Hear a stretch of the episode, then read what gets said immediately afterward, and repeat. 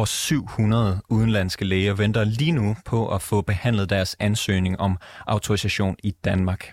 Sagsbehandlingen alene kan tage mere end tre år, og før lægerne så skal igennem en lang række prøver og eksamener, før de kan få lov til at praktisere i Danmark. Men det har faktisk ikke altid været så svært. Det ved øh, Mohammed Shalabi. Han er plastikkirurg på Næstved sygehus, og så er han stifter af Facebook-gruppen Udenlandsk Uddannede Læger i Danmark. Han er født i Ægypten og uddannet på Cairo Universitet, men har arbejdet i Danmark i 15 år. Min kollega Camilla Michelle Mikkelsen, hun har talt med Mohammed Shalabi, som fortæller, at det er blevet sværere for udenlandske læger at få lov til at praktisere medicin i Danmark.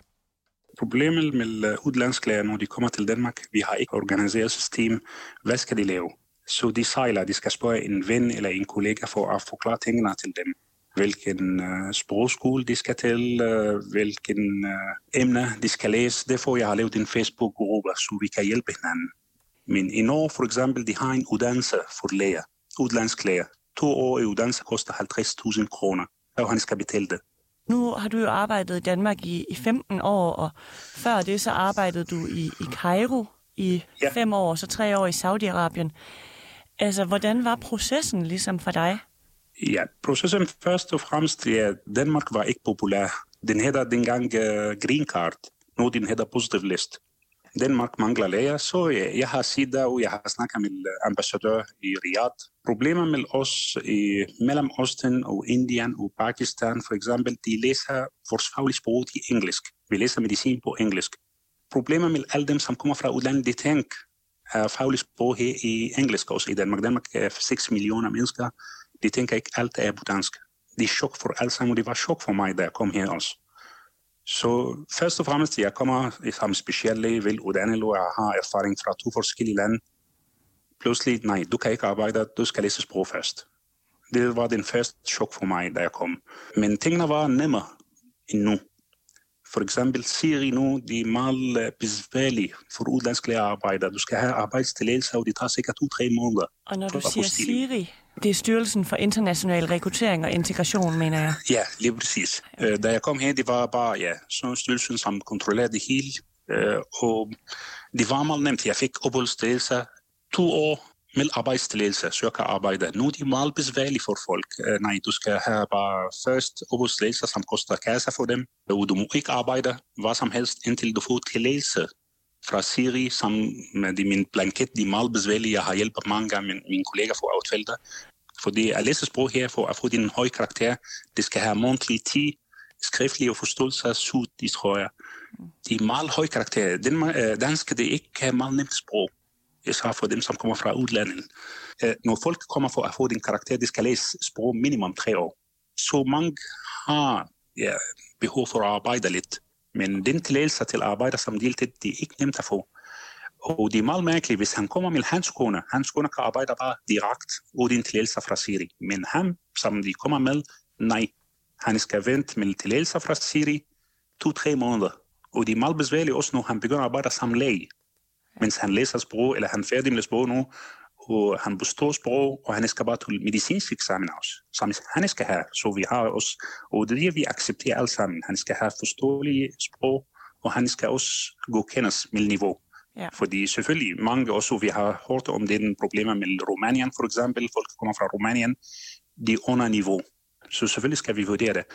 Men de kan ikke få arbejde som praktik i hospitaler nu, eller almindelige stillinger som forvagt hos os, som læge, fordi også de masser af papirarbejder skal laves, og masser af kontakter skal laves med Siri imellem afdeling, så de fleste afdelingschefer nu, de vælger fra at tage udlandsk læge, selvom vi mangler læge.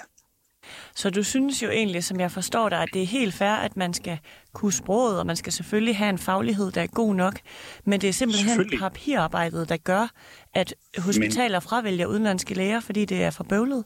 Det er rigtigt, men det er meget dobbeltmoralsk, fordi jeg har talt med dig også, det er bagdør for mange læger fra Sverige, gå til udlandet, læse i Ungarn eller læse i Rumænien, så de kommer i tage kubo hos os, samt kunne slet ikke til dansk. Og jeg skal blive nødt til at tale med dem engelsk. Men fordi de kommer fra Sverige, det er ikke noget sprogkrav for dem. Heller ikke eksamen også, fordi de kommer fra IO. Så de kan Kubo faktisk være dårligere uddannet, men fordi de har et europæisk pas, så kan Lige de præcis. arbejde. Oplever du, at udenlandske læger øh, med et ikke-EU-pas diskrimineres i det danske system? Det tror jeg. Det tror jeg med den behandling, fordi de folk, som jeg har sagt, de kommer fra arbejde, det er et arbejde, de kommer til at betale topskat. Og nu efter corona begyndte alle lande til læger. England nu, de har åbnet, de har tre eller fire forskellige systemer nu, meget fleksible systemer for folk fra Commonwealth til at komme til dem. Og mange udlandske læger, som kommer her til Danmark og får chok med alt det system, og de får chok, at de skal vente minimum fem år, spiller fem år uden arbejde for at læse sprog og læse eksamener, uden han får tilladelse til at praktisere medicin. Man skal praktisere det. Hvis du står med at praktisere medicin, du glemmer tingene. Du glemmer din evne.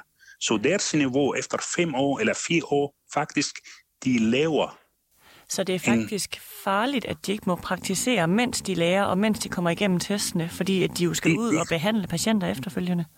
Lige præcis. Jeg er helt enig med dig. Og derfor jeg respekterer det system i Norge, som jeg har hørt fra andre kolleger. De har som en lang studie i medicinsk øh, skole, to år for udlandske læger.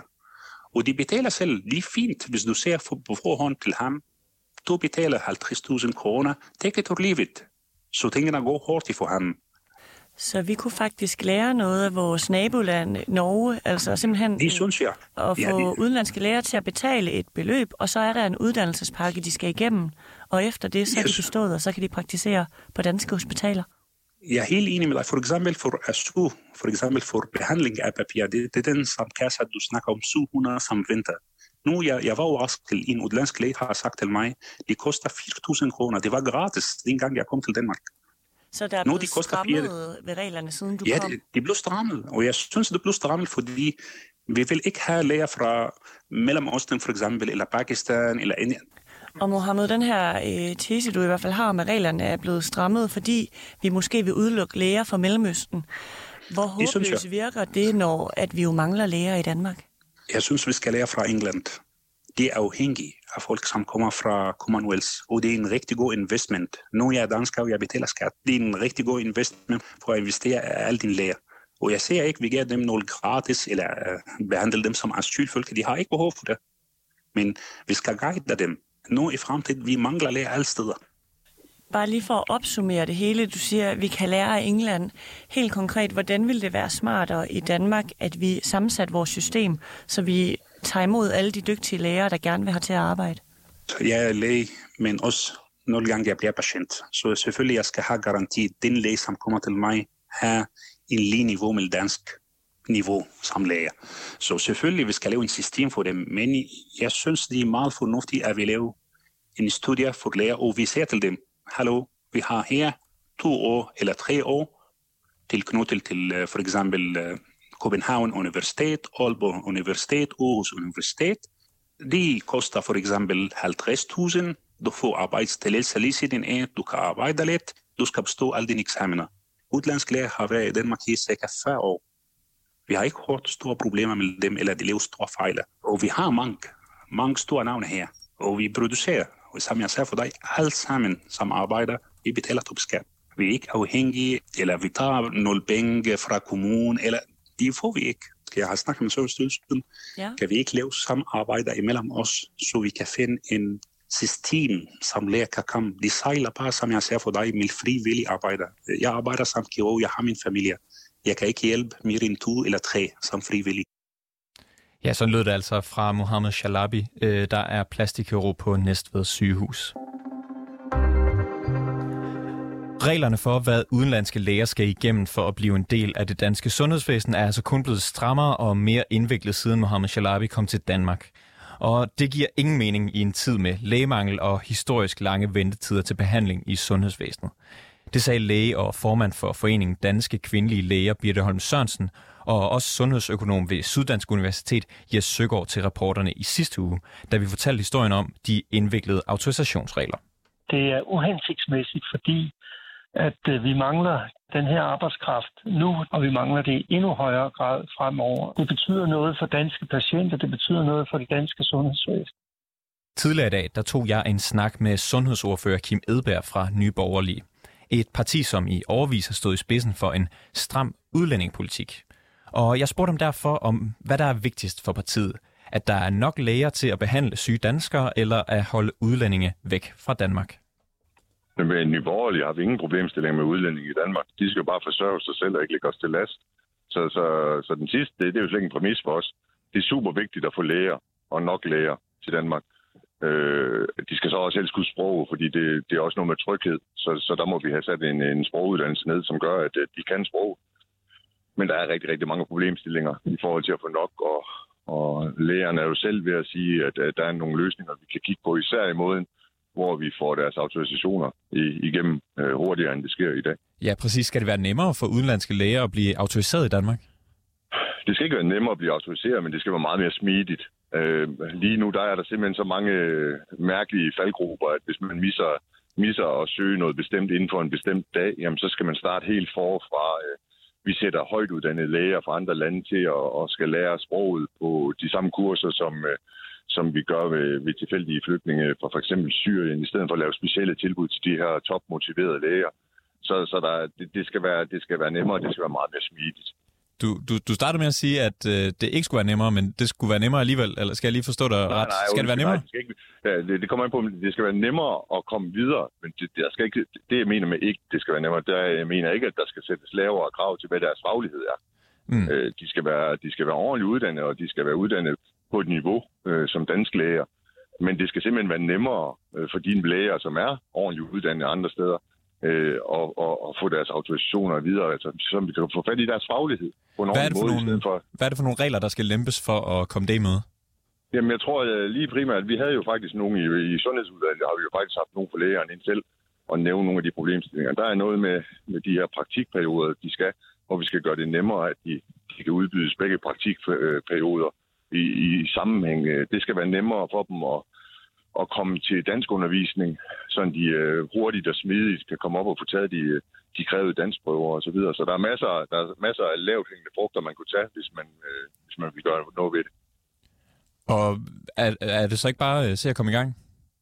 Jo, jo, men vi har hvad, jo hvad stopper? Ja, det gør flertalsregeringen jo. Jeg kan huske før valget, der sagde de, at nu fik de en flertalsregering, så kunne de simpelthen løse alle kriser i sundhedsvæsenet. Så, det, så et eller andet sted, så må de jo bare tage arbejdshandskerne på og komme i gang. Øh, det, det lyder som om, at øh, deres planer for sundhedsvæsenet, det er, det er syltekruer rundt omkring i stedet for øh, handling. Og det kan man jo undre sig over, når man har et flertal, så kan det vel ikke være så svært bare at gøre. Vi hører både fra læger selv og fra eksperter, at reglerne, som de er i dag, forskelsbehandler på baggrund af pas, altså om du er fra EU eller et tredje land. Synes du, at det burde være sådan i Danmark? Øh, ikke i forhold til, hvis, øh, vi, hvis vi har brug for en bestemt øh, ressource, øh, og i det her tilfælde, der er det læger, der synes vi, at det skal være meget mere lempeligt. Altså indkomstmæssigt, der kommer de jo fint over grænsen. Så, så om øh, du er læge øh, øh fra, fra hvad det hedder, USA, eller du er læge fra, fra Tyskland, det, det må være ligegyldigt. Altså, jeg, jeg, jeg kan ikke se, at der, der er grund til at diskriminere på grund af pas. Det, der er vigtigt, det er, at vi får fagligheden herind. Øh, og at de så øh, lærer sprog, sådan at, øh, patienterne, de, de føler den tryghed. Så, og så, hvis ikke at de arbejder der længere, jamen, så skal de jo hjem igen. Sådan er det jo.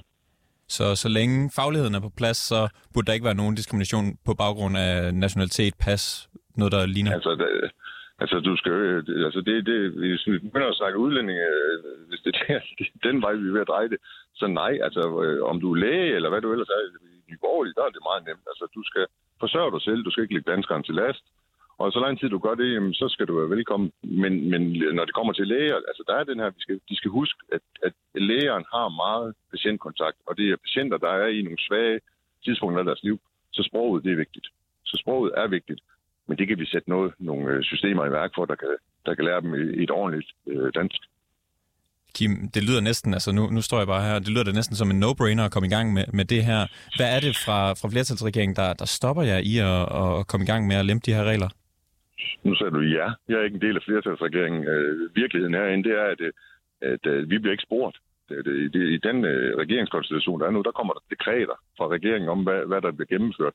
Så hvad der stopper, det ved jeg ikke. Om det er ond vilje eller det er dogenskab, jeg ved det ikke. Øh, en ting er helt sikkert, jeg har ikke set noget lovforslag eller noget øh, forslag overhovedet på at få det her løst. Så, så hvem ved, det kan være, at de har mere travlt med at skulle fortælle hinanden, at de bestemmer alting, end de har med at bestemme noget, noget fornuftigt. Har du selv kommet med forslag om for eksempel det her til, øh, til regeringen?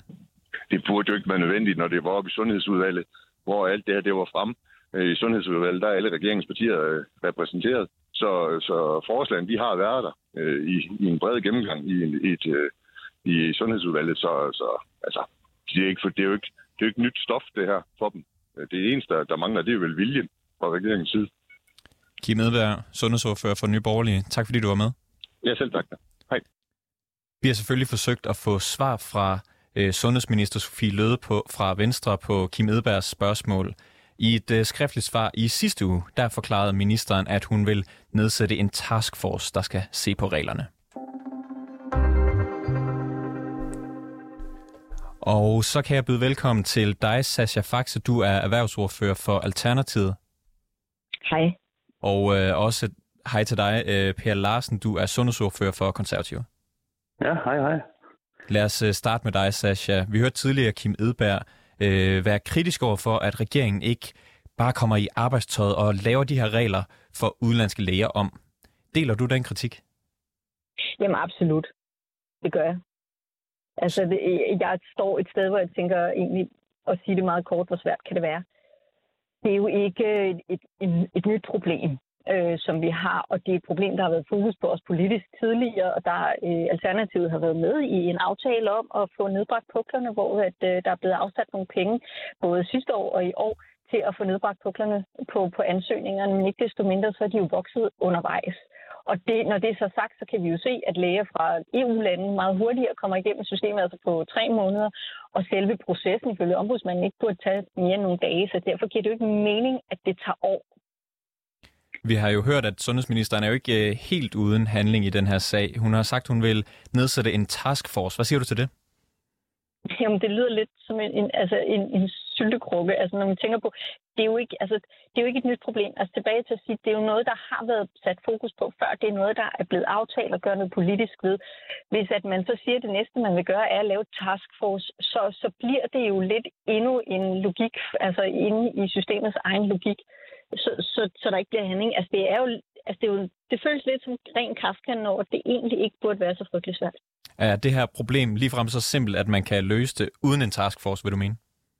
Ja, det vil jeg mene. Jeg mener, det er et administrativt problem. Især, altså, jeg kan ikke se, at man skal lave taskforce, når at man i de sidste par år har haft et fokus på det. Altså, den her aftale, som kom i stand, var jo i 21. Det er to år siden, og det er på baggrund af nogle aftaler, som allerede var lavet, og et forarbejde, der var lavet. Det vil sige, man havde jo kigget på det. Det kan jo ikke være rigtigt, at hver gang vi får en ny regering og en ny sundhedsminister, man skal starte forfra på at kigge, så kommer vi jo ikke nogen vejen. Altså ikke bare i det her, men i det hele taget i politik. Foreningen Danske Kvindelige Læger, som har indgående kendskab til det her område, de har beskæftiget sig med det en del, de har jo allerede præsenteret deres bud på et nyt system for sundhedsudvalget. Er der ifølge dig behov for flere input fra en taskforce?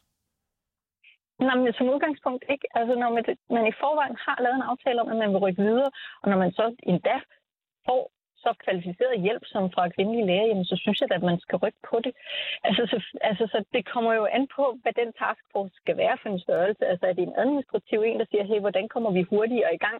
Hvad, hvordan får vi sat nogle strukturer op? Hvordan rykker vi på det her? Hvordan får vi sat de her millioner i spil, som er sat af til det her? Jamen, så er det rigtigt, men hvis en taskforce bliver, nu skal vi holde nogle møder. Som... Så synes jeg, det er som om, hvordan vi gør tingene. Så synes jeg, at vi har et problem. Så kommer de ikke til at løse noget. Som du sagde før, så er det jo ikke øh, noget nyt, at det er svært for udenlandske læger at få autorisation i Danmark. Og det er løbende blevet drøftet politisk. Hvorfor tror du, man ikke har gjort noget ved det endnu? Mm, altså jeg tænker, at det, at det er ikke er nødvendigvis er så enkelt som sådan. Jeg tror, at corona har jo haft sin del af det i forhold til, at puklerne er vokset.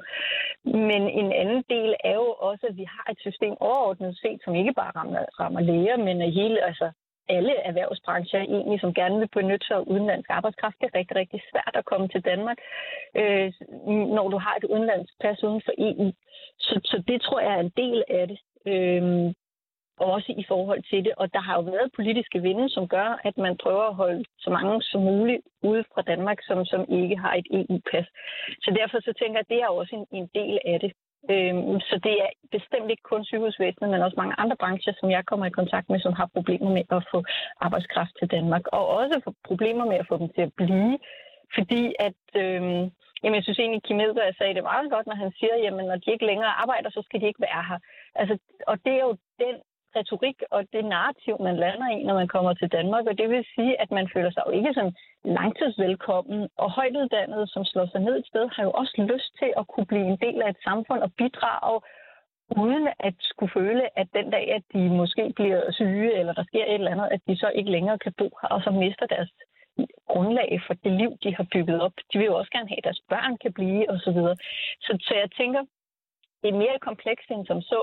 Men det, i min optik så ligger kompleksiteten ikke i nødvendigvis i det administrative, når at jeg hører en ombudsmand komme med de udtalelser, som Sascha Fax, hvis du lige hænger på et øjeblik, så skal vi også lige have introduceret Per Larsen. Per, vi hører igen og igen, at sundhedsvæsenet er i en historisk krise, og at en del af problemet er mangel på læger, særligt inden for udvalgte områder. Så er det ikke bare med at få lavet reglerne om med det samme i dag? Jo, og det kunne man da i den grad også ønske sig, at regeringen havde vilje til. Men der må jeg bare sige, der er det jo lidt ligesom om, at, at der ikke rigtig sker noget. Altså, der nedsættes kommissioner, øh, strukturkommission, lønkommission, og nu skal der så laves en taskforce til at kigge på det her problem. Altså, det har jo været et øh, problem igennem rigtig mange år. Jeg har øh, af flere omgange rent faktisk haft den tidligere sundhedsminister, nemlig Magnus Heunicke, i samråd, i forhold til at få både ud, hvad er det, der er årsagen til, at vi har det her problem. Og sådan som jeg ser det, så er det simpelthen bare et spørgsmål om, at der er for få ressourcer. Sidst jeg spurgte til det, der var der rent faktisk kun øh, 1,5 års værk til at tage hånd om de her ansøgninger. Og de øh, ansøgninger, som øh, de sidder og, og kigger på nu, det er nogen, der er indgivet i første kvartal, øh, eller måske andet kvartal nu, fordi tiden går, i 2020. Altså næsten tre år gamle ansøgninger, og det øh, er jo ganske uhensigtsmæssigt, når vi i den grad mangler læger i Danmark.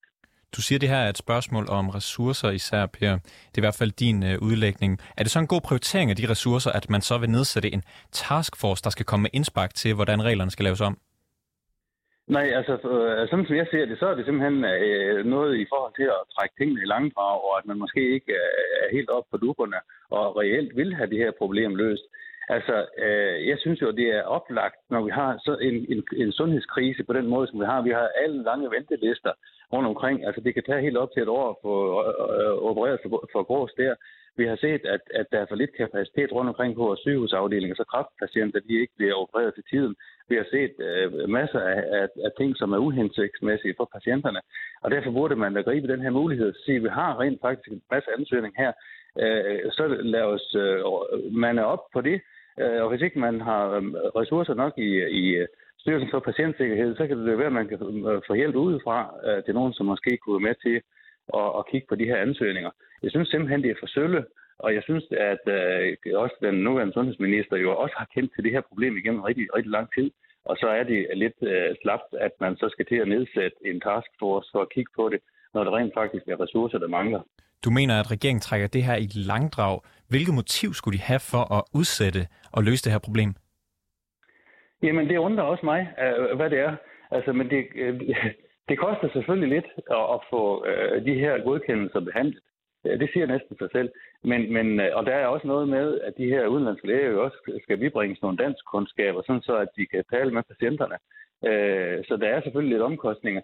Men altså, det er her og nu, vi står og mangler ressourcer i vores sundhedsvæsen. Og, og, og på samme måde som man nu har så nedsat en strukturkommission, der skal komme med nogle bud på, hvordan vi kan robustgøre vores sundhedsvæsen, også en robusthedskommission på den sags skyld, som, som også arbejder i øjeblikket. Og så altså- har regeringen jo også øh, lavet den her akutpakke, som jo netop vil gøre det nemmere for udenlandske læger at arbejde i Danmark. Men som det ser ud, øh, øh, men det kan jo tage mere end tre år at få sin autorisation, hvis man ikke har det her EU-pas. Er det godt nok? Nej, det er slet ikke godt nok, og det er også derfor, det øh, i den grad burde speedes op, fordi at uh, akutpakken, den er kun finansieret i, i 23 og i 24, og, og, og de når jo så måske ikke at, at blive godkendt inden da. Altså, det er her nu, vi har det store behov, og det er også derfor, at man virkelig burde øh, gøre alt, hvad man kunne, for at få de her øh, ansøgere øh, sluset igennem systemet. Og jeg tænker også på, at der er så også noget i forhold til, altså hvis, for eksempel en indisk læge øh, søger om at komme til Danmark og, og gøre sin øh, lægegærning, øh, så er det for det første en rigtig, rigtig lang ventetid, der så er på at få øh, autorisationen på plads og få godkendt sine lægekompetencer. Men så er der også noget med, at de øh, skal stille en garanti på, jeg tror, det er noget med 100.000. Og så kunne det jo godt være, at sådan en indisk læge tænker, okay, i Danmark tager det tre år, og man skal stille en garantisum, øh, der er ret øh, stor øh, jeg finder nok et andet land at øh, søge til i stedet for. Det lyder som om, at de begge to rigtig gerne vil have mange flere udenlandske læger. Lad mig starte med dig, Per Larsen. Skal man bare lukke alle ind, eller skal man øh, udvælge? Jamen, det kan godt være, at der skal udvælges, fordi hvis det er sådan, at, at, at det er nogle kompetencer, som man har nok af i forvejen, men vi har jo altså nogle forskellige områder, hvor det virkelig er stor mangel på læger, øh, Øh, og det ligesom er det, der sætter begrænsningen for, at man kan forhøvle ventelisterne ned til et acceptabelt niveau, så vil jeg synes, at de skulle have en eller anden form for forrang, dem med de kompetencer. Øh, men, men altså, som udgangspunkt, så skal vi jo bare se efter at at få, øh, få, få behandlet de der ansøgninger, sådan, så man kan se, hvad det er, der er i puljen, og, og hvad det er for nogle kompetencer, de kommer med. Sascha Faxe, Alternativet, skal vi lukke alle læger ind, der gerne vil arbejde i Danmark?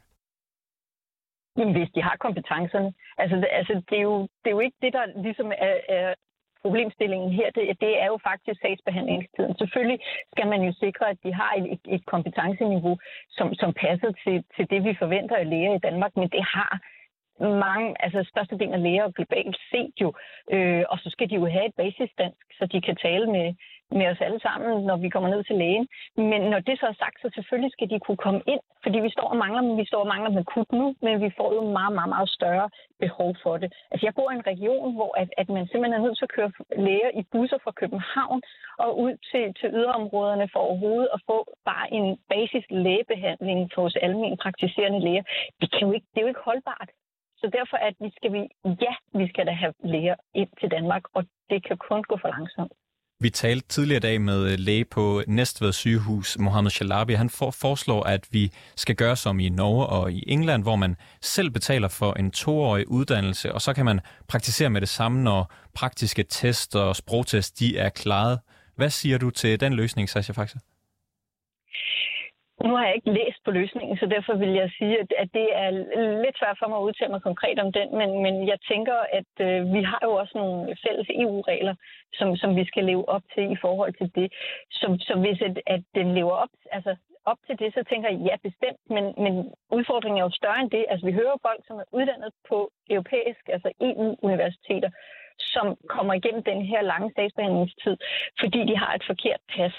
Altså, hvis de har en... Det er jo ligegyldigt, hvilket land du er født i. Hvis du er uddannet i Tyskland, så skal de jo ikke have længere sagsbehandlingstid end en, som er født i Sverige, måske uddannet i Tyskland. Så, så der tænker jeg, der, der er nogle ting, der er off der. Det kan sagtens være, at vi skal gøre det andet også på sigt og finde nogle andre muligheder. Men lige nu og her, der har vi altså en pukkel. Vi skal, altså, det er jo vidderligt. Prøv lige at forestille at vi har 800 højt kvalificerede mennesker, som har lyst til at praktisere deres lægefaglighed i Danmark. Hvor fedt er det ikke? Altså, det skal vi jo have, have gjort noget ved. Så skal vi ikke begynde at indføre nye regler over for dem. Det kan vi se på på sigt, men lige nu her, så skal vi altså have dem gjort klar til det danske sundhedssystem hurtigst muligt. Sundhedsøkonom Jes Søgaard, han har forklaret til os øh, i sidste uge, at den her udfordring, den har været diskuteret løbende, og det har I også selv nævnt. Men der er jo ikke sket noget. Per Larsen, konservativ, I sad i regering frem til sommeren 2019. Gjorde I noget for at ændre processen dengang? Nej, det har åbenbart været alt for lidt, fordi at ellers så har vi jo ikke haft de store uh, vente, eller de lange ventelister, som vi har nu. Hvorfor gjorde I ikke noget?